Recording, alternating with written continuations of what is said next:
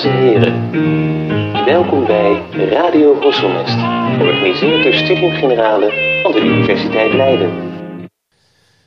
Beste luisteraars, welkom bij een nieuwe aflevering van Radio Horselnest. Ditmaal voor een gesprek over een gevederde vriend van de mens. Een echte cultuurvolger en cultuurvogel, de ooievaar. We doen dit met niemand minder dan auteur Kester Freriks. Van Kesters hand verscheen een flink aantal romans, essays en natuurboeken. Eerder al was hij te gast in aflevering 51 om samen met Martijn Storms te vertellen over een boek Grensverkenningen. Ook schreef Kester met regelmaat over vogelkunde of ornithologische onderwerpen. In 2008 verscheen zijn boek De Valk over valkerij en wilde vogels. En in 2009 het boek Vogels kijken, alle 300 Nederlandse vogelsoorten. Beide bij uitgever Atheneum Polak en Van Gennep. Onlangs verscheen van zijn hand het boek De Ooievaar. Alweer nummer 25 in de boekenreeks De Vogelserie van uitgeverij Atlas Contact. Inmiddels zou je met deze serie vogelmonografieën een flinke foliaire kunnen vullen. Met bekende soorten als de houtsnip, de merel, de fuut en de huismus.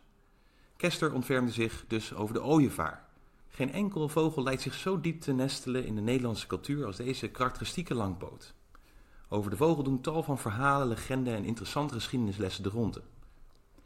Kester dist er een flink aantal op uit de uitgebreide ooievaarsliteratuur. Maar hij staat ook uitvoerig stil bij het leven van de ooievaar, de nesteldrang, de vliegdrang en de trekdrang naar het zuiden, tot het fourageer, balts en broedgedrag. Je leert de vogel kennen tot in zijn penveren. Als rode draad door de boek, wel haast zo rood als de snavel van de ooievaar, loopt Kesters liefde voor deze vogel, in het echt en op schrift. Ook plaatst Kester de ooievaar terug in een veranderend Nederlands landschap. Daarmee vertelt hij over een bewogen geschiedenis.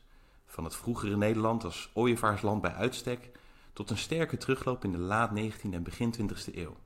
Het verdwijnen van de laatste wilde broedpaar in 1983 en uiteindelijk de herintroductie en heropleving van deze vogel.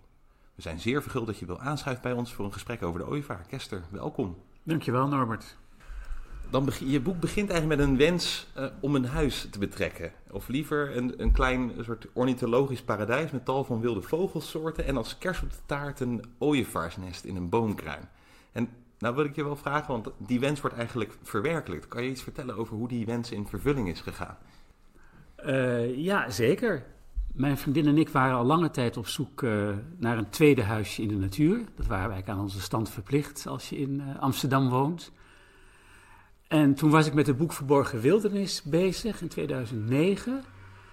En toen las ik ergens dat je een gebied hebt dat heet Rotte Gemeente. Dat vond ik al een geweldig woord in Friesland. Bij de Weerheb in Overijssel een rot, Gemeente in Friesland. En Rotte Gemeente betekent een gemeenschap of een buurtschap die rottig is. En rottig heeft te maken met al het afgestorven waterplanten die daar groeide en neerdaalde en veen vormde. Het is gewoon een veengebied. Ja, het is een laagveengebied. Laagveengebied, ja. ja. Dat ligt anderhalve meter onder zeespiegel. Nog steeds. Ja. En tot onze grote verbijstering uh, liepen we daar rond. En ik had een verrekijker bij me uiteraard, want ik ga altijd meteen vogels kijken. En toen bleek een wit, voormalig veenarbeidershuisje aan de rand van een ja, veenvaart of veen, brede veensloot te koop te staan. En dat hebben wij gekocht. En vanaf dat moment uh, was dat zeg maar het tweede huisje in de natuur. Wat ik al heel graag wilde. En Catherine, mijn vriendin, had, heeft bijen. Dus die wilde ook graag voor uh, de bijen een goede plek hebben. Afijn. En op een gegeven moment stonden daar allemaal populiere bomen. En die moesten afgezaagd worden, geknot of gekandelaberd. Want wilgebomen moesten geknot of gekandelaberd worden. Want ze zouden omwaaien in die snompige grond, in, in die schenen, in dat water. En vanaf dag één zat daar een ooievaar op. Op die afge, afgezaagde, gekandelaberde uh, wilgestam. En toen hebben we een ooievaarsnest uh, erop laten zetten door een boomklimmer. Die deed dat allemaal met uh, klimijzers en een soort alpine uitrusting. was echt geweldig. Het touwen heeft, heeft dat nest van 1,40 meter in omtrek diameter omhoog gehezen. Dat was allemaal in het vroege voorjaar van 2010. En meteen in maart zaten daar de eerste ooievaars. Ja, en het is echt een nestbouwer. Want je zegt, ja, je hebt eigenlijk een nest uh, min of meer gekocht. Of een ooievaarskrippe, noem, noem je het volgens mij ook. Ja. Maar hij heeft, je vertelt ook dat, ze ook dat, nou ja, dat het mannetje dus ook zelf al had geprobeerd een nest te maken. Maar dat dat wat ongelukkig ja, dat uitviel. Was, dat was een fascinerend gezicht. Die, die, die, die uh, wilgenstam was natuurlijk op 15 meter hoogte of 10 meter hoogte gekandelaberd, maar er staken nog stukken schors omhoog. En een ooievaarsmannetje kwam eraan en die wilde daar dus nest, zijn nest beginnen te bouwen. En dat deed hij ook. Hij frikte zo wat takken bij die opstaande schorsrand. En dat deed hij eigenlijk heel vaardig. Maar die takken zijn zo en die doorsnede van dat, die stam was misschien 10, 15 centimeter, was nooit houdbaar. En toen kwam wel een vrouwtje een keer kijken en die uh, zag zo van bovenaf aan wat er gaande was. En die landde ook wel, maar ik hoorde haar denken, dit wordt niks. Ja, ja, precies. nee jongen, dit wordt niks. Dit gaat hem niet worden, zouden zeggen. Nou, en uh, nog een keer, een mannetje onverdroten door met takken, maar die woei natuurlijk weer af. Een glad, glad stammetje van boven. Nou ja, dat, dat vonden we natuurlijk wel roerend. We konden natuurlijk allemaal zien op een paar meter afstand, want het was gewoon op ons erf, op ons land, zoals het heet. En toen hebben we dus een nest uh, gekocht bij uh, Lokkerij, uh, Ooievaarstation de Lokkerij in Meppel. En dat hebben we meegenomen in auto. En hebben we iemand het omhoog laten takelen en bevestigen. Dus toen was er echt gewoon een, een basisnest. Zo'n uit wilgetenen gevlochten nest met een opstaande rand. Wat takken ingegooid. Nou, en dat, vanaf dat moment was dat meteen uh, voor die ooievaars. En dan bouwen ze daar zelf dus vervolgens, bouwt hij daar verder op als het ware. Dit is dan de basis. Ja, dit is de basis. Uh, en dan gaat hij zelf uh, vanuit die basis, gaat hij brede takken nog maken in een krans aan de buitenrand. En dat doen ze heel kundig, want dat wordt niet zomaar neergelegd. Die takken die zoekt hij echt uit op lengte en dikte. Dus ik zie hem ook daar in dat landschap langs die petgaten. Dat zijn die grote veensloten en ja, waar allemaal oude takken van die bomen liggen, pakt hij gewoon de goede uit. En die gaat hij mee naar boven, neemt hij een aanloop. En dan met die zware tak vliegt hij naar boven. En het vrouwtje wacht dan het mannetje op. En dat doen ze samen, dus echt, echt eensgezind. Uh, ja, met trillende kopbewegingen wrikken ze als het ware tak voor tak in, in, die, uh, ja, in die cirkel van, uh, dat, van die opstaande randen. En daarom is het ook zo stevig uiteindelijk, want het gaat ook erbovenuit, maar het is echt dus gevlochten. En vervolgens uh, gaan ze de nestkom, dus naar binnen toe, bekleden ze met mos en met gras en met zachte materiaal. Dus ja. het gaat van dikke takken aan de buitenkant naar steeds kleiner en ja, warmer, intiemer, echt een nestholte. Een lijfmoeder, zoals dat wel heet in de oh, historische ja. boeken. Een nest noemen ze als een lijfmoeder. Prachtig woord. Bouwen ze dus dan steeds kleiner die kom en daar legt het vrouwtje de eieren in. Ja. En je krijgt dan ook meteen grappig genoeg ook concurrentie, toch? je beschrijft ook dat zodra dat mannetje eigenlijk dan op die nestplaats uh, zit en daar uh, druk in de weer is, dat er dan ook meteen een soort mededinger is. Een, een ooievaar die hem aanvalt, die probeert dat ook in te nemen. Is dat, is dat gebruikelijk iets wat ooievaars doen? Ja, dat is heel gebruikelijk. bewoonde nesten hebben een waanzinnige aantrekkingskracht. Dus net als wat je eens in een galerie ziet, er staat een stickertje bij schilderij is verkocht. Zegt iemand had ik net willen hebben. Oh ja, ja, ja. Dat is altijd zo. En dan zegt de galeriehouder, nou, ik kan wel iets regelen. Ja, ja, nou goed, dat geldt precies hetzelfde bij ooievaars. Een bewoond nest heeft een enorm aantrekkingskracht. Dat betekent dat het uh, een goed nest is. Uh, dat het al een tijdje oud is. Dat vinden ooievaars fijn. Dat het op een goede plek zit, waarschijnlijk. Dus dat zijn allemaal elementen waardoor een ander ooievaarsmannetje die op zoek is ja, getriggerd wordt om dat nest eigenlijk te veroveren. En dan gaan best heftige gevechten liggen aan de grondslag. En die mannetjes, die jonge mannetjes, of vrijgezelle mannetjes, zijn drie jaar. Dan zijn ze uh, geslachtsrijp, dus drie jaar of ouder. Die zijn vaak vrijgezel. En die zien dus een, een nest en die proberen dat mannetje dat daar zit te verjagen. En dan hoopt dat mannetje, dat jonge mannetje, dat dan degene die er zelf verjaagd heeft in zo'n gevecht, dat hij daar gaat zitten. En dat dan op zijn plek een vrouwtje aankomt. Dus dat zijn de redenen voor die grote gevechten. En die, ik heb daar ook verslagen van gelezen uit Duitsland.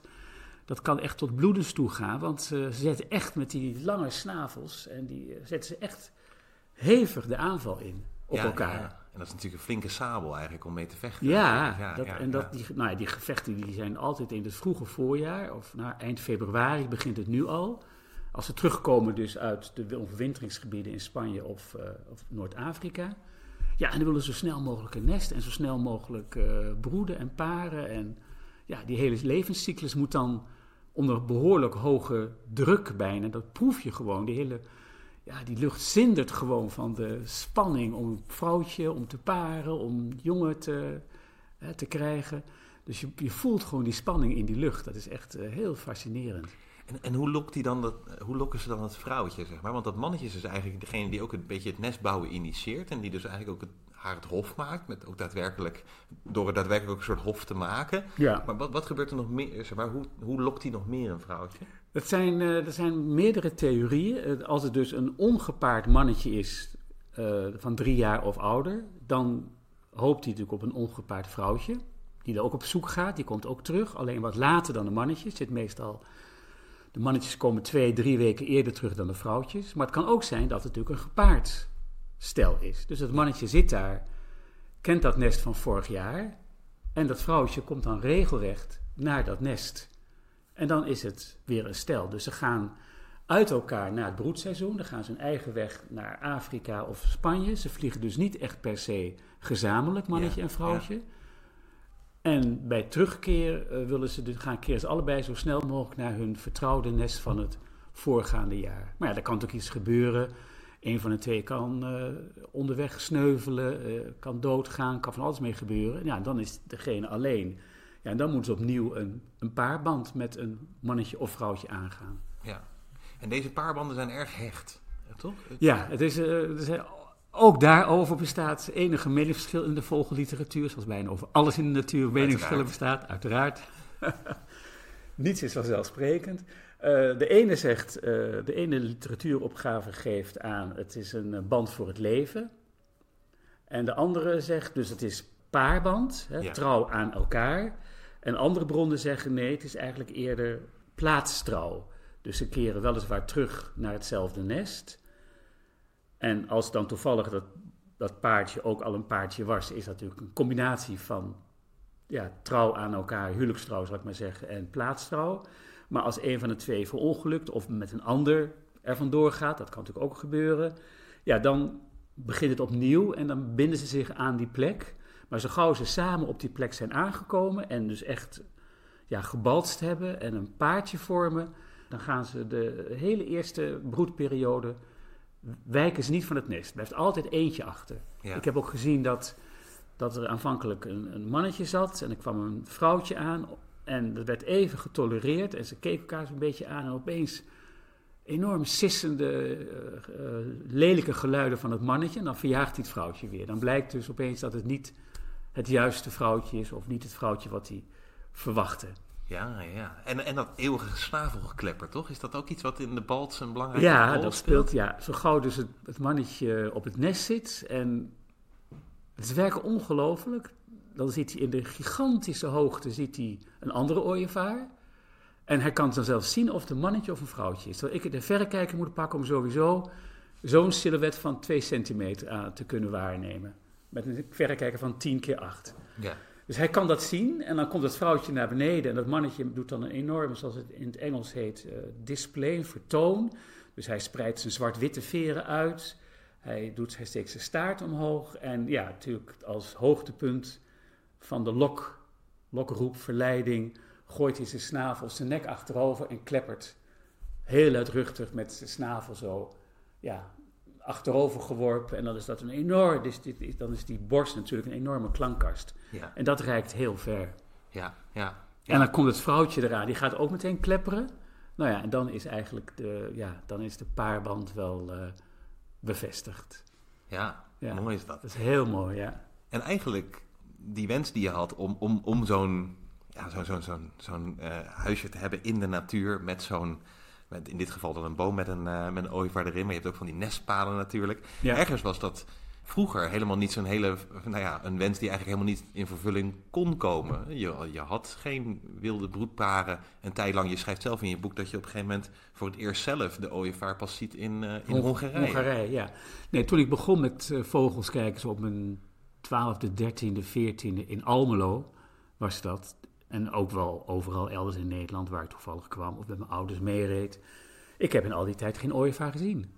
Ik zag het natuurlijk wel in de gidsen staan, in de ziende scan over de Patterson's vogelgids. Denk je, jeetje, de ooievaar, ja, ja, nee, die is er niet meer. Dus ik ben toen een keer naar Hongarije gereden op mijn twintigste in een Renaultje 4. En daar zag ik voor het eerst de ooievaars. Ja, ja. Dus in Nederland was hij echt uitgestorven. En daar zeer talrijk, toch? En daartoe zeer talrijk. Maar in Nederland, of in West-Europa, dus ook Duitsland, ook de Elzas, waar hij zo veel zat, uh, en ook Denemarken, dat, daar was hij gewoon helemaal verdwenen. Ja. Echt door de DDT, door de landbouwgiften uit de jaren 50 en 60. Het is natuurlijk een vogel die aan het eind van die voedselketen staat. Dus als die muizen pakt, die dus tussen dat vergiftigde graan lopen en dat, dat eten, dan hoeft die muis niet per se dood te gaan. Want die neemt misschien niet zo heel veel hoeveelheid in. Maar hè, dat geldt voor de slechtvalk en voor de roofvogels, de havik geldt dat ook. Die, die grote predatoren staan aan het eind van die voedselketen. Dus als die per dag tien muizen vangen die gif hebben, of een stel libellen of een stel uh, kevers, ja, dan is dat natuurlijk een opeenstapeling van gifstoffen in hun lichaam. En daardoor zijn ze echt verdwenen ja.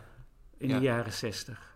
en dat is sowieso opmerkelijk, want ik had heel erg de associatie in mijn hoofd, ooievaars eten kikkers.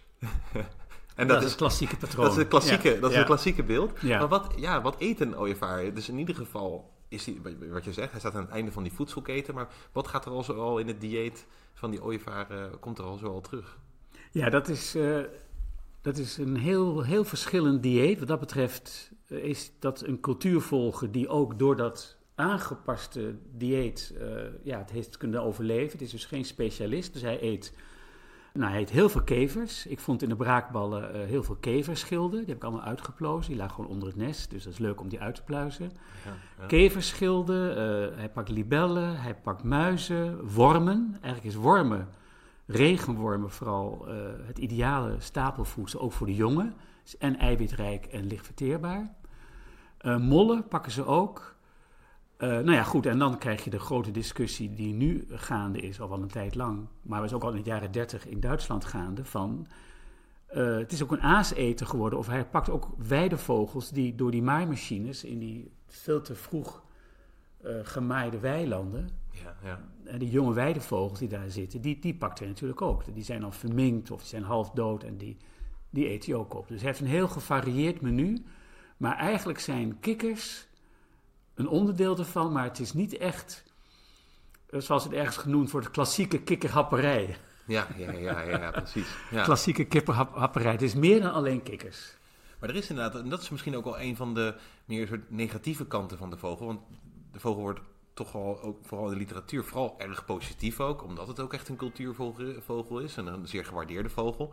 Maar inderdaad, de moord die uh, nog wel eens plaatsvindt in zo'n, in zo'n weiland door, door de ooievaar, allerlei jonge broeders en zo, dat, dat leidt ook wel tot menige discussie, toch, onder natuurliefhebbers? Ja, dat is een hele hardnekkig, uh, heel hardnekkig, ja, toch eigenlijk misverstand. Ten eerste, uh, de ooievaar, het beste broedgebied voor gutto's en, en kievieten is natuurlijk wat hoger gras. Nou, dit, dit, dit hoge gras, kruidenrijk hoog gras. Nou, ik heb het allemaal waargenomen in dat gebied waar ik zit. De ooievaar zie ik nooit fourageren in hooggras. Hij heeft echt heel vlak, vlak gemaaid gras nodig waar hij enorm kan uitkijken. Hooggras vindt hij niet fijn. Heeft, kan hij ook niet opvliegen, want dat hoge gras houdt hem tegen. Het is een moeizame opvliegen, dus hij moet echt vier, vijf, zes stappen nemen voordat hij de hoogte ingaat. Dus dat hoge gras dat hindert hem daarin. Hij heeft geen zicht. Dus ja, gebieden waar hij dan fourageert, dat is niet per se een, goed broedgebied voor gutto's en kievieten, want dat is gewoon kaal gemaaid gras. Dus ze pakken ze wel, natuurlijk als ze de kans krijgen. En dat Jacques Petijsen schrijft er ook over, en het is ook absoluut ook wel waar. Maar het is niet in die mate dat de ooievaar verantwoordelijk zou zijn voor de terugval van de weidevogels. Dat is het maaibeleid en gewoon de hele kaalslag toch in de ja, in het industriële boerenland. Ja, ja, ja, precies. En het is ook niet een jager in die zin zoals wij dat ons voorstellen. Uh, hij jaagt niet actief. Hij, hij gaat niet opeens op de wieken en duikt op een prooi. Nee, hij loopt bedachtzaam, met, als het ware, zoals ergens Rob Bijlsma ergens schrijft, als met de handen in de zakken. Loopt door het weiland, pikt wat, kop omhoog, pikt. Dus hij is de hele tijd hele kleine, honderden keren per minuut zie je hem iets oppakken, slikken, oppakken, slikken. En dat kunnen slakjes zijn, dat kunnen dus kleine insecten zijn. Dat is eigenlijk het, het stapelvoedsel. Ja, en het is, eh, dat schrijf je ook uitgebreid over. Hij, het is eigenlijk een echte zwever en eigenlijk geen echte vlieger. Het is niet een klapwiekende, of hij kan natuurlijk wel uh, klapwieken, maar het, het liefst houden ze de vleugels zo stil mogelijk, toch? En zweven ze eigenlijk door de lucht. Ja, het is een, zweef, een zweefvogel. Hij kan, hij is te zwaar om, of ganzen dat doen, of, of, of zangvogels, dus constant die, die vleugelbeweging maken. Dat kan hij niet. Hij heeft echt de thermiek nodig om dus, uh, nadat hij is opgestegen, om met de thermiek, dat zie je ook gebeuren. Als de, op, en er moet ook weer kort gemaaid gras zijn of zand. En want daar is de zonlicht weerkaatsing het hoogst. En het is de hitte het grootst. Dus dan zie je hem ook meteen thermiekbel opzoeken. En dan in de no time zweeft hij tot honderden meters hoogte. Maar dan heeft hij eigenlijk misschien vier, vijf vleugelslagen heeft hij gedaan. Dan gaat hij zweven. En in die zweefvlucht is hij ongelooflijk ja, bedreven om dus de, ja, de thermiek op te zoeken. Met lichte bewegingen, de linkervleugel iets hoger dan de rechter of andersom. Met die gekrulde uh, slagpenveren. Ja, gaat hij de hoogte in. Ze kunnen honderden kilometers afleggen zonder één vleugelslag. Ja, maar ze vliegen niet over water. Nee. Dat vond ik ook grappig om Daar is geen thermiek. Nee, daar is geen thermiek. Dat is geen thermiek. Dat is heel simpel, maar het is wel de waarheid. Nee, daar is geen spatje thermiek. Ja, ja, ja. Dus daarom hebben ze die routes over de Gibraltar, ja. wat 13 kilometer is, wat echt nog bijna soms te veel is. En de andere, dat is de westroute. Een andere route gaat over de Bosporus. En dat is 400 meter. En dan pakken ze weer uh, de Bosporus. En dan Noord-Israël en Egypte. En dan gaan ze zo naar Afrika. Dus je hebt die twee hele grote verschillende trekroutes aan de oost- en westkant van de Middellandse Zee. Ja, en opmerkelijk hè, dat er dus inderdaad een soort gekke scheidslijn dus ligt inderdaad tussen de, de westelijke populatie, die ja. inderdaad die route neemt uh, via, via Gibraltar, dus en degene die via Turkije de Bosphorus uh, gaan. Ja, ja al, al, al, schreef je ook wel dat, en dat was wel weer een iets ontluisterend beeld dan, je hebt dus inderdaad die, die, die trek in de winter naar die, naar die, uh, eigenlijk die in, in, in Noord-Afrika. Maar je schrijft ook dat vandaag de dag er ook heel veel niet meer die straat van Gibraltar oversteken, maar eigenlijk achterblijven op de af, ja, afvalbelt, de vuilnisbelt ja. uh, van, van Spanje.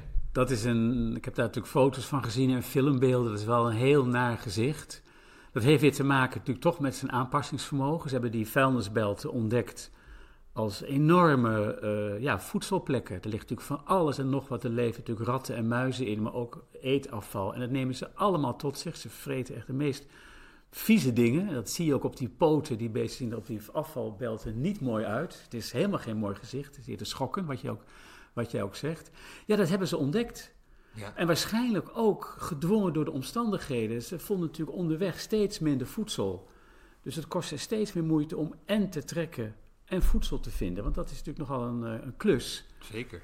je de hele dag vliegen, want het is natuurlijk toch wel inspannend. Als weven ze, ze moeten natuurlijk voortdurend kijken waar is een thermiekbel. Zien ze daar een paar ooievaars ook op trek die heel snel de hoogte in gaan, dan schieten ze daar naartoe in een glijvlucht en gaan ze ook mee de hoogte in. Dus als ze onderweg op die vaste fourageerplekken, langs, ja, langs die rivieren in Frankrijk, dat begint natuurlijk al mee, of uh, in Noord, uh, in België, langs de kustlijn ja, dan hebben ze opeens die, die vuilnisbelt ontdekt. Ja, en dan blijven ze daar hangen met die warme winters. Ja. Dat gebeurt natuurlijk ook. Ja, tuurlijk. Ja. En, hebben ze, en dan ja, hebben ze geen reden meer om eigenlijk toch nog die nou, toch wel gevaarlijke oversteek naar Afrika te maken. Dus ze passen zich. Het is de survival of the fittest is natuurlijk de aanpassingsvermogen aan de veranderende omstandigheden. Dat is eigenlijk de definitie. En dat weet die ooievaar dus als geen ander te doen. Ja. En daar hoort die vuilnisbelt bij. Daar hoort de, de niet meer die gevaarlijke route naar Noord-Afrika. Bovendien, uh, want ze moeten dan over de Sahara naar de Sahelzone. Nou ja, die Sahara, dat staat ook uiteraard in het boek, dat, die, die breidt zich in Noord-Zuid richting uit. Die gaat en naar het noorden uh, uitbreiden en naar het zuiden. Dus die afstand wordt ook, ook voor onze boerenzwaluwen, zal ik maar zeggen. Ja. Voor al onze vogels eigenlijk, die in Noord-Afrika of, of Sahelzone overwinteren. Ja, dus dat wordt een steeds grotere barrière. Ja, ja zeker. Ja. En vinden ze daar dan een, op een bepaalde manier een vergelijkbaar gebied vinden eh, als hier in Nederland? Ja, dat wil natuurlijk niet vergelijkbaar klimaat, maar, maar wel degelijk omdat het zo vlak is daar. Ja. En dat, is hebben echt nodig, hè? dat willen ze ook echt. Ja, dat willen ze graag. Het, het hele interessante is ook uh, dat de vogels die bij Gibraltar, dus de westroute volgen, die blijven in de Sahelzone hangen. Dat is een beetje bij Burkina Faso, die, dat gebied daar, Banque d'Arquin. Maar de vogels die dus de oostroute volgen, Die gaan bij Egypte, steken die dus over, Bosporus, Egypte, de Nijl. En dan gaan ze naar dat Riftvallei ja. gebied. Niet waar met Rif, maar Rift. Dus ja, Rift. Rift ja, ja, ja. Rifgebergte is in, is in Marokko, Rif. En die Rifvallei loopt eigenlijk helemaal door. Dat is een, een natuurlijke slenk. Die loopt door tot Zuid-Afrika. Ja. En dat is allemaal waterrijk gebied. Hele grote meren liggen daar, waterpartijen, uh, onder water gelopen rijstvelden. Alles ligt daar langs. En nou, die loopt dus helemaal door als een enorme ja, breuk in de Afrikaanse plateaus. En twee plateaus die elkaar geraakt hebben daar ooit. En die volgen ze dus naar Zuid-Afrika. Dus daar kunnen ze uiteindelijk terechtkomen. Ja, ja, ja, bijzonder is dat. Ja. En dan is eigenlijk de eerste keer dat we daar. Dat, dat er enigszins, enigszins duidelijkheid ook komt. Want er is dus ook nog heel lang een uh, twijfel geweest over waar gaan deze vogels in de winter naartoe. Ook die boerenzwaluw, daar was heel wat discussie over. Ja, klopt. En daar heeft de ooievaar toch ook weer een belangrijke rol in gespeeld, omdat er op een gegeven moment een ooievaar met een heel vreemd object uh, overvliegt in Duitsland. ja, dat zijn een beroemd en ook berucht verhaal. Dus ik zal het allemaal heel keurig uitleggen voor de gevoelige luisteraars. Nou, het ging als volgt. Um, een jachtopziener in uh, Mecklenburg voor Pommeren, ja. geweldige naam, die, uh, die schoot, ja, dat is ook zo gek, maar goed. Die schoot een ooievaar neer. Dat vonden ze leuk. Waarom, weet ik niet, want je hebt er niks aan. Te vlees is niet te eten en ja, je kunt hem opzetten voor je collectie. Dat zal de reden geweest zijn. En die ooievaar had dus een pijl in zijn hals. Dat werd dan de, tussen haakjes, de negerpijl genoemd. Toen de tijd was dat een gebruikelijk woord. En antropologisch uh, onderzoek door iemand uit van een van de Universiteit van Berlijn of Hamburg die had die pijl dus getraceerd of gelokaliseerd in een ja, centraal Afrikaans, hij had het over Indiaans volk. Maar goed, India's, Afrikaans, dat liep allemaal door elkaar heen. India's volk uit Centraal-Afrika. En toen was er opeens een soort bewijs. Oh, we hebben het over 1860. Dus echt al toen die vogeltrek al erg in de picture kwam bij vogelliefhebbers en kenners en wetenschappers. Oh, dus dan is deze vogel dus uit Afrika gekomen. En hij heeft dus die hele afstand met die pijl, die dus niet fataal heeft geraakt, heeft hij dus overleefd.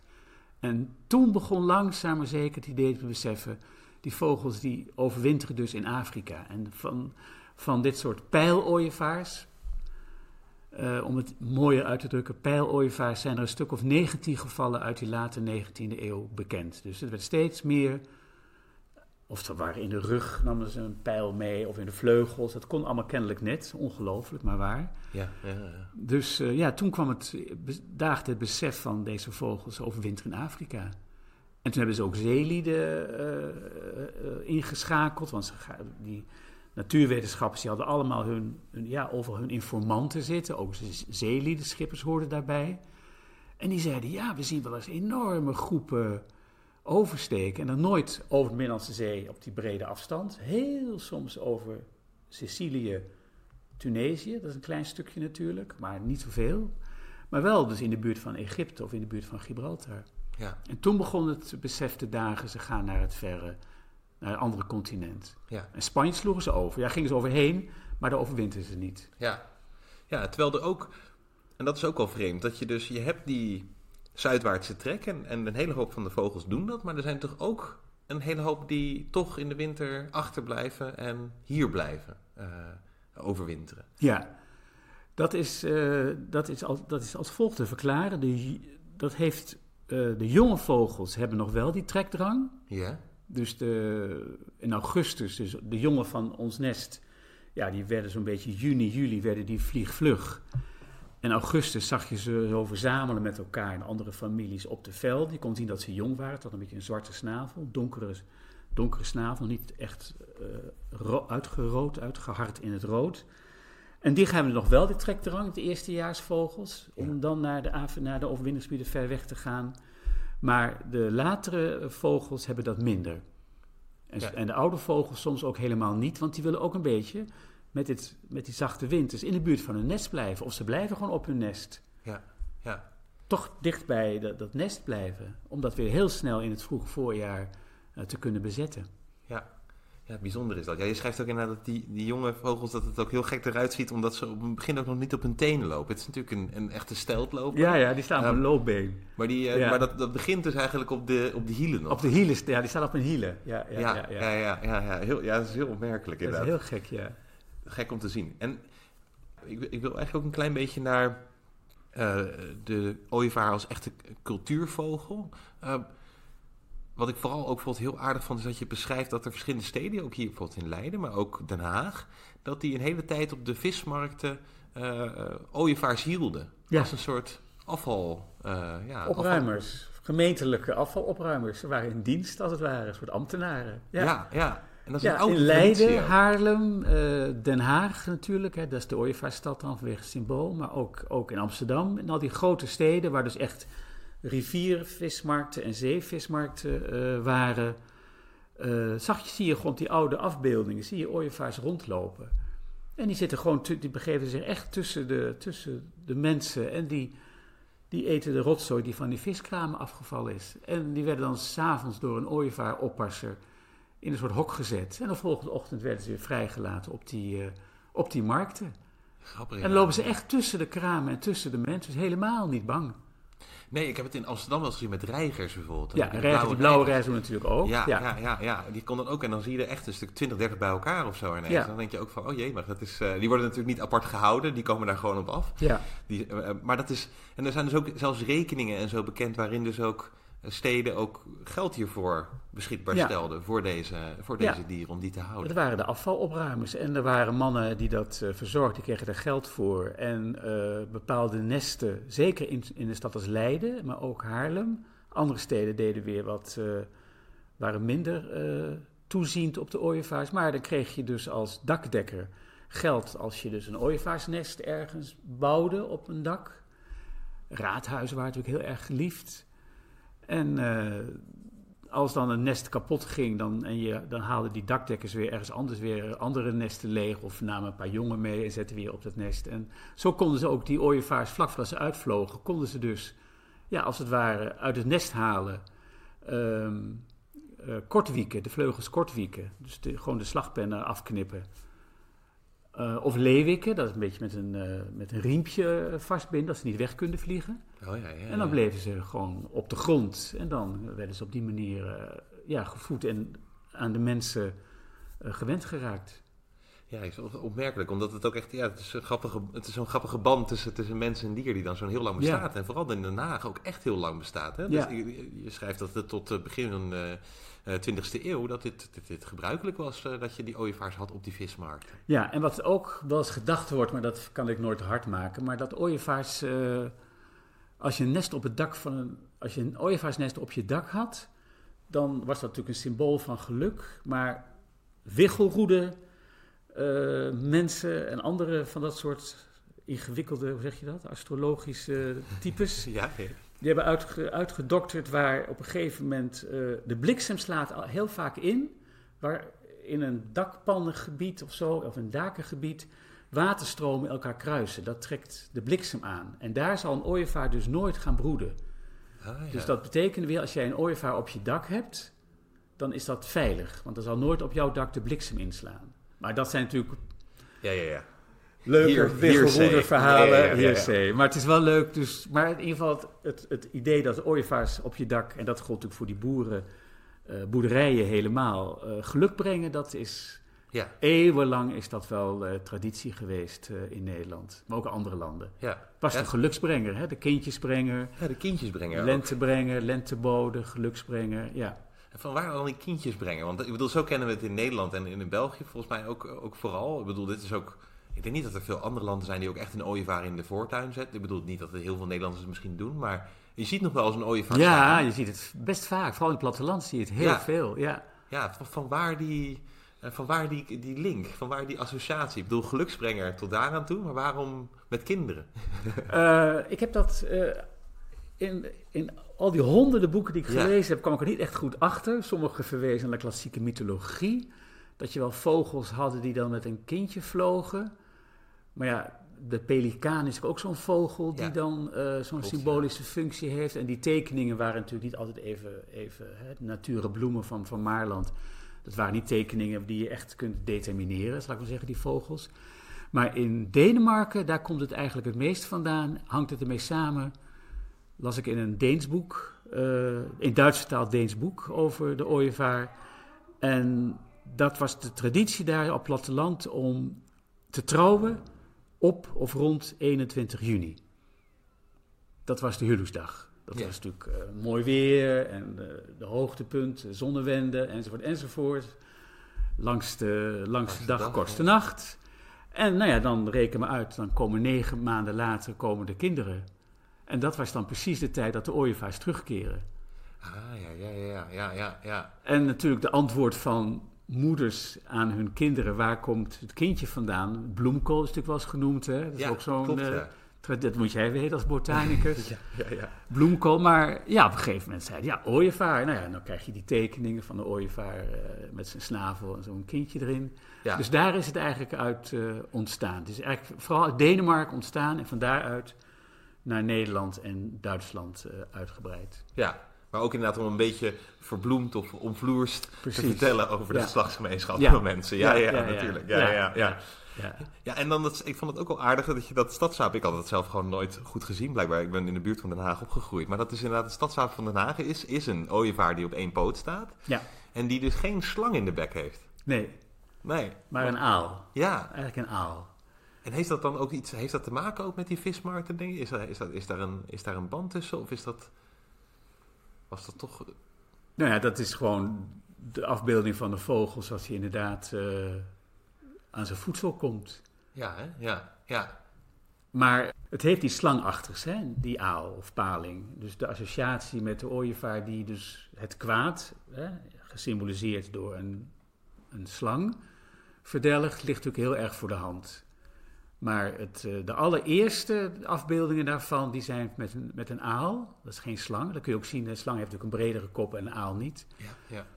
Ringslangen zitten veel in het gebied waar ons ooievaarsnest eh, staat, maar die heb je dan toch weer minder in een stad of bij een stad als Den Haag. Dus het was eigenlijk vooral de paling of de aal. En dat is een beetje in de loop van de tijd gevarieerd of getransformeerd tot het beeld van de slang. Ja, ja, en dan is het grappig inderdaad, dat je schrijft het ook heel mooi, dat die, Den Ha- dat die Ha- Hagenaren en Hagenezen, dat die ook een beetje die, dub- dat dubbele hebben. Van, aan de ene kant is het de reiger, die, eh, Ja. de reiger, De regen. ja precies, die, die, die, die, die eigenlijk een soort ja, st- stad, stadsvogel is. En Ja. aan de andere kant is het, is het de ooievaar die die Ja, stadsvogel de is. ooievaar is voor de chic, Ja, de chique Hagenezen en de, en de regen is voor de plat Hagenezen. ja, ja, ja, ja, nee, ja, mooi is dat. Ja, en ik vond het ook heel leuk om te le- lezen dat je... Er zijn natuurlijk inderdaad mensen die een hele warme band... Ik weet dat mijn, mijn zus had op een gegeven moment een, haar, haar kledingatelier in, in, de, in Delft. En een aantal deuren verderop was een vrouw die elke dag de, een, een blauwe reiger te eten gaf. Ja. En die, die stond daar dan echt ook voor de, voor de stoep, als het zover was. Om, om daar zijn maaltje te halen. En dat kreeg hij dan ook.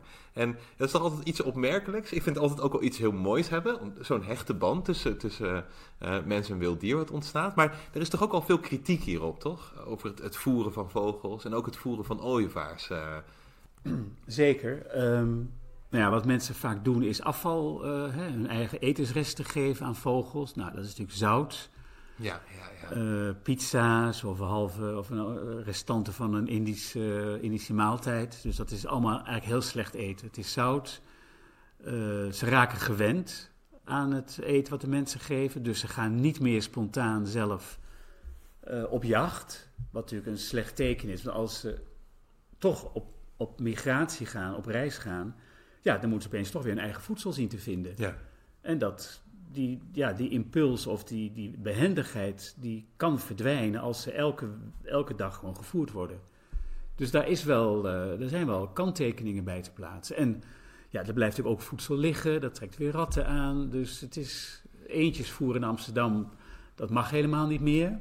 Oh nee, ja. Er staan ja, zelfs borden ja. bij niet meer doen, want die, die, die, die eenden worden ook zo lui als wat. Dus dat is allemaal niet goed. Dus het is toch wel de natuurlijke, eh, natuurlijke voedselgedrag, fourrier- fourageergedrag tas je aan eigenlijk. Ja.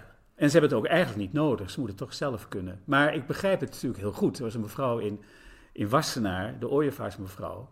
Ja, en die begon ook een keer, eh, zag een ooievaar lopen in haar tuin. Ja, die begonnen wat te voeren. Ja, en die kwam elke dag terug. Een dag later met twee andere ooievaars, met vijf ooievaars, een hele club ooievaars. Ja, die staan dan rustig op die mevrouw te wachten. En die vond het hartstikke leuk.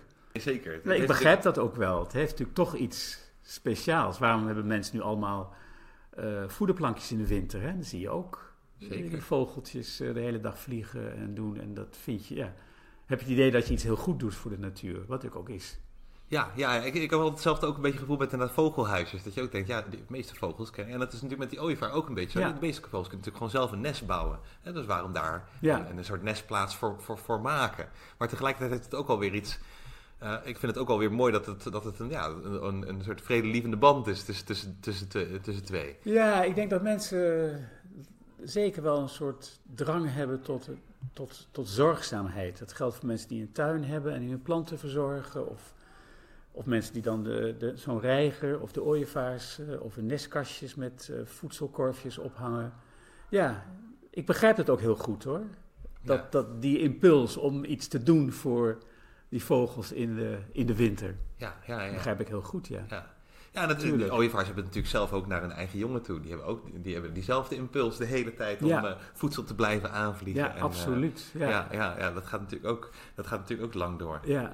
En dan, we hebben natuurlijk al even aangestipt en je hebt ook al even verteld wat daar ook de oorzaak, of ja, een van de oorzaken voor die, die terugloop van, van de ooievaar. Dus de, de ooievaar, ook, ook waar jij het huis hebt staan, dat is van oudsher typisch ooievaarsland. Je schrijft ook van oude berichten dat honderden, duizenden ooievaars uh, uh, verbleven, paren verbleven in Nederland. Je, je noemt landbouwgif, maar zijn er nog andere ja, zijn er nog andere oorzaken aan te wijzen voor die terugloop? En hoe merkt men ook die terugloop? Is dat, wordt dat op een gegeven moment geregistreerd door... Uh, komen er tellingen? Hoe, hoe, ja. hoe, krijgt men dat in een blik? Nou, de terugloop, de, de grote gevaren is inderdaad landbouwgif. Uh, hoogspanningsmasten zijn heel gevaarlijk voor ooievaars, want zij kunnen... Wij kijken naar hoogspanningsmasten en zien de draden tegen, zeg maar, tegen de hemel. Ja. Maar zij vliegen er overheen in principe. En, als, en die zien van bovenaf, zie je die draden niet. Dat is een heel ander perspectief. En als zij dan landing inzetten, dan zien ze misschien wel die twee, die twee masten, die pilonen, maar niet dat daartussen in draden zitten. Dus dat, was een, dat kom je in alle boeken tegen, ook in de Franse literatuur, in de Duitse literatuur, Spaanse literatuur ook heel veel. Uh, dus de hoogspanningsmasten, de jacht, moet je niet onderschatten. De jacht is nog steeds nu minder, maar in de jaren 60 en 50 en voor de oorlog enorm. Gewoon plezierjacht. Ja, ik kan me niks bij voorstellen, maar het gebeurde. Um, dus landbouwgif, de jacht, uh, de hoogspanningsmasten en het verdwijnen van het, uh, de broedhabitat. dus gewoon de, de, de leefruimte voor de vogels. Dat zijn de de vier grote elementen die dus die neergang hebben ingezet. Um, een gevolg van landbouwgif was ook dat uh, de eierschalen waren heel dun. Dus de eieren braken in het nest. Oh, ja, Als het vrouwtje op, of mannetje op het nest op het ei ging zitten, dan brak het gewoon. Toen hebben ze ook de terugval van de slechtvalk uh, ontdekt. Dus er zijn heel veel factoren geweest die, uh, ja, die de populaties hebben aangetast. Ja. en ja, en dat hebben ze ontdekt toen ze op een gegeven moment uh, alleen nog maar of steeds meer lege nesten zagen. Want bedoel, een lege ooievaars, kijk, een, een, een koolmezennestje wat niet bebroed wordt, dat zie je niet of dat bestaat niet, want dat is niet gebouwd. Ja. Maar een leeg ooievaarsnest, die zie je. Dat moet opvallen, die zie je overal de boerderij. Hé, hey, daar is het leeg, daar, dat nest is leeg, dat nest is leeg. Want het zijn natuurlijk de meest zichtbare nesten bijna in het vogelrijk. Zeker die vroeger op palen of op daken van uh, boerderijen. En toen begon uh, Jan P. Strijbos, zo in de Eerste Wereldoorlog, heeft hij met zijn zoon, is hij op de fiets, uh, want wij waren natuurlijk nog neutraal in Nederland, de Eerste Wereldoorlog, op de fiets zijn, zijn ze alle ooievaarsnesten langs gegaan. Dat hebben ze in het begin van de Tweede, Eerste Wereldoorlog gedaan en laterhand nog een keer. Ja, en toen zagen ze dus toen al, dus, in, dus na de WO1, hoe de terugval groot was in de jaren 20 en 30 werd het nog sterker. En dan hebben ze dus gewoon met telling hebben ze dat, uh, hebben ze dat vastgesteld. En, de, en Strijbos was verbonden aan het uh, Algemeen Handelsblad, dus die schreef daarover. Maar ook andere vogelaars, Jacques P. schreef er ook al over. En al die vogelaars zagen wel die die terugval. Ja. En wat zorgt dan uiteindelijk voor het, het, het keerpunt? Dus je krijgt dan op een gegeven moment echt dat het in de jaren tachtig van de vorige eeuw helemaal bar en boos wordt. Ja. Uh, en dan in 83 geen enkel wildbroedend paar meer. Ik kan me voorstellen dat het nog wel in dierentuinen of uh, heemtuinen... Of dierentuinen nog wel natuurlijk, uh, waar ze ook voedsel kregen. dus daar nog wel. Maar het gaat echt om wilde paren. Ja, ja. ja die verdwijnen dan helemaal. En wat, wat keert dan de tij? Wat, wat, wat zorgt ervoor dat uiteindelijk de vogel toch weer terugkomt? Ik weet nog wel dat, nou, toen, min of meer toen ik werd geboren, in 1985, had je er dus eigenlijk geen enkele. Uh, maar ik weet op een gegeven moment nog wel dat ik op een gegeven moment in Den Haag toen bij de, bij de Koekamp...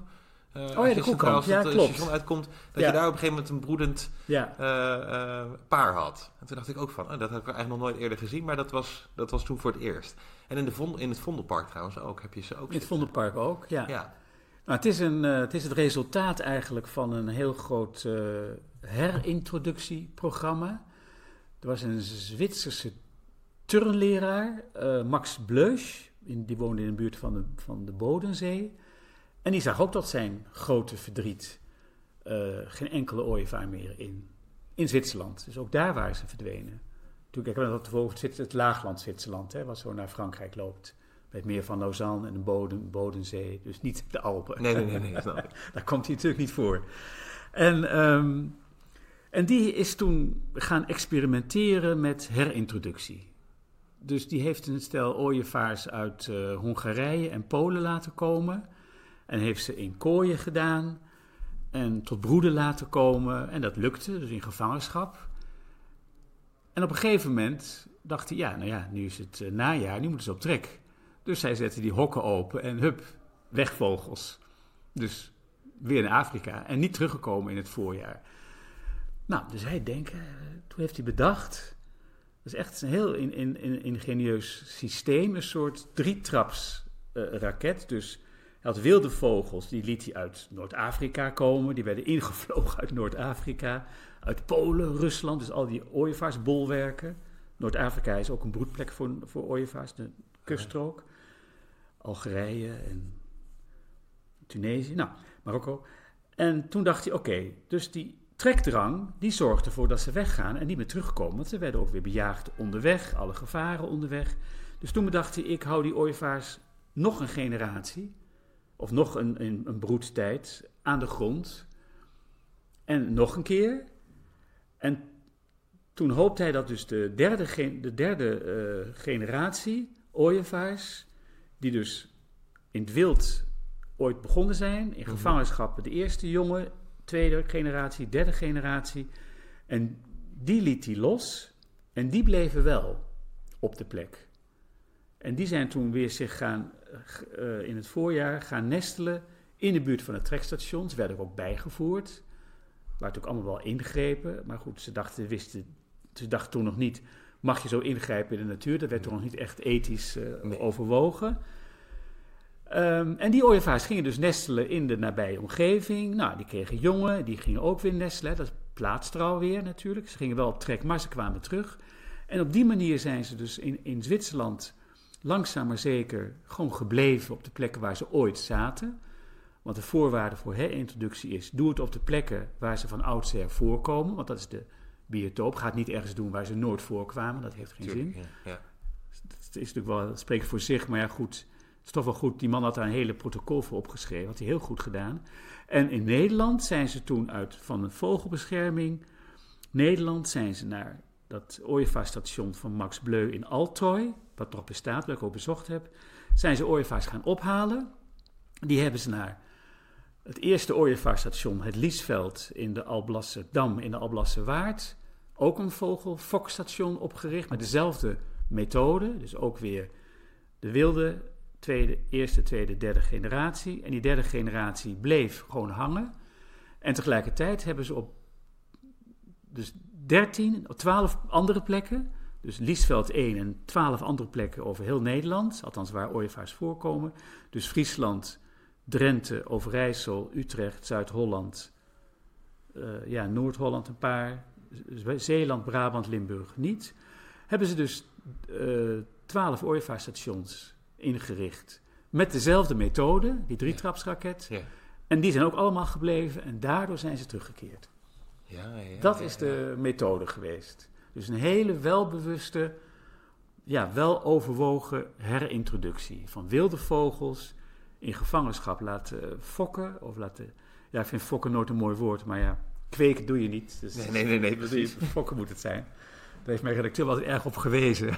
ja, ja. maar goed, fokstations. Nu heet het gewoon buitenstations. En, ja, en daardoor gingen ze zich weer vestigen in Nederland. Dus die, die, die, die habitat is eigenlijk weer meer, wat meer teruggekeerd. En ook de landbouw is weer wat. Uh, de invloed van de landbouw is weer wat minder geworden. Op, negatief, in negatieve zin voor die, voor die ooievaars. Maar je vindt ook steeds meer ooievaars in een beetje ja, stedelijk gebied of aan de randen van steden. Kan je, kan je daar nog iets meer over vertellen? Ja. Uh, in principe worden, proberen ze de ooievaars nestpalen, zoals wij die klassieke nestpalen kennen, die worden steeds minder geplaatst, of eigenlijk helemaal niet meer, omdat het voldoende ooievaars zijn. Dus de ooievaars moeten nu hun eigen nesten bouwen in bomen. Wat moeilijk is, want niet alle bomen hebben natuurlijk gewoon die handige afgeknotte takken of stammen. En ja, je ziet bij heel veel vogels uh, de laatste decennia de trek naar de stad. Hè? De stad wordt steeds meer voor vogels, hè? voor sperwers, voor roofvogels, ook voor zangvogels en voor de ooievaar ook. Zilverreigers komen ook steeds meer de stad in. Dus heel veel vogels trekken naar de stad. Daar is voedsel te vinden in de wintermaanden. Dat is eh, voorwaarde nummer één. En de ooievaar volgde eigenlijk die trend. En in de stad vindt hij uh, schoorstenen, platte schoorstenen, uh, waar hij natuurlijk heerlijk nest op kan bouwen. Er staan vaak wat bliksemafleiders op, of wat hoge punten, of er ligt wat kabels overheen waar hij die takken onder kan wrikken, wat hij allemaal doet natuurlijk. Uh, de schoolekster broedt ook op grinddaken. Dus die hele trend naar de stad is ja, iets wat heel erg toeneemt de laatste tijd. En de ooievaar doet dat ook. Maar ja, als jij een ooievaar op je schoorsteen hebt, is dat natuurlijk niet handig. Want die takken waar je in de ventilatie gaat, of die komen door de schoorsteen naar beneden. En zorgen, zorgen natuurlijk voor enorme obstructie. Dus de, ja, er zijn in Den Haag met name zijn er een stuk of vier, vijf flats waar echt heel veel ooievaars zitten. Het begon bij Susannaland zijn drie grote galerijflats en met mooie platte schoorstenen. Ja, er zitten allemaal nesten op. En nu heeft de Haagse Vogelbescherming daar een uh, constructie gemaakt. Dat de uh, een platte constructie die de schoorsteenveger weg kan klappen. En die is ook, kraagt ook breed uit over de hele schoorsteen. Dus er kan niks in die schoorsteenpijp vallen. En in het najaar kunnen ze keurig schoongemaakt worden. Dus dat behouden ze wel, ze verjagen ze niet. Want ja, ze komen toch terug of ze pikken een ander plekje in. Door. Dus ze zijn heel inventief, dat is ook hun overlevingsstrategie. Dus ja, die ooievaars komen steeds meer, wat dat betreft, qua broedplaats in de stad voor. En in stadsparken zie je natuurlijk steeds meer ooievaarsnesten. Niet alleen op palen, maar ook gewoon op, uh, ja, op die stallen van die dieren. Kunnen ze hun eigen nest bouwen op die wat groffere... Uh, als zo'n dierenstal in een, bij een kinderboerderij uh, bedekt is met stro... ja, dan kan een ooievaar daar makkelijk een nest op bouwen. Zeker, dus ja. Ja, die, ze volgen die trend naar de stad toe. Waardoor ook, het is warmer in de stad, altijd een paar graden warmer. En er is voedsel te vinden. Ja. Mensen voeren ze, niet per se, maar mensen gaan toch hertjes voeren. Nou ja, dan lopen die ooievaars ertussen. En, en dan heb je het weer, het is altijd voedsel. Wat mee. Ja, ja, dan pikken ze wat mee.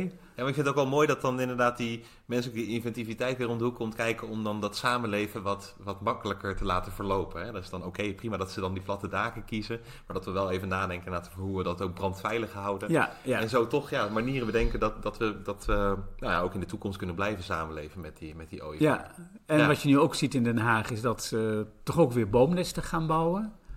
Dus uh, dan dan komt de vogel eigenlijk weer terug uh, in de stad waar je toen van oudsher ook veel voorkwam. Het is echt ook een stadsvogel. Dat is ja. heel gek, maar het ja. is wel waar.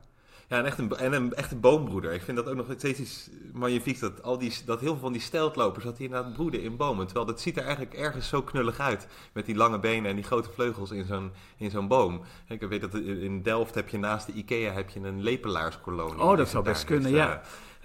genesteld. Nou, dat is inderdaad ja, dat is een enorme kruin waar ze dan in zitten met z'n allen. Ja, uh, ja. Ontzettend veel vogelpoep die daar naar beneden komt. Ja, maar, ja. Mooi, maar een heel mooi gezicht wel. Ik bedoel, iets wat vreemd naast zo'n grote Ikea, maar, maar um, ja, bijzonder.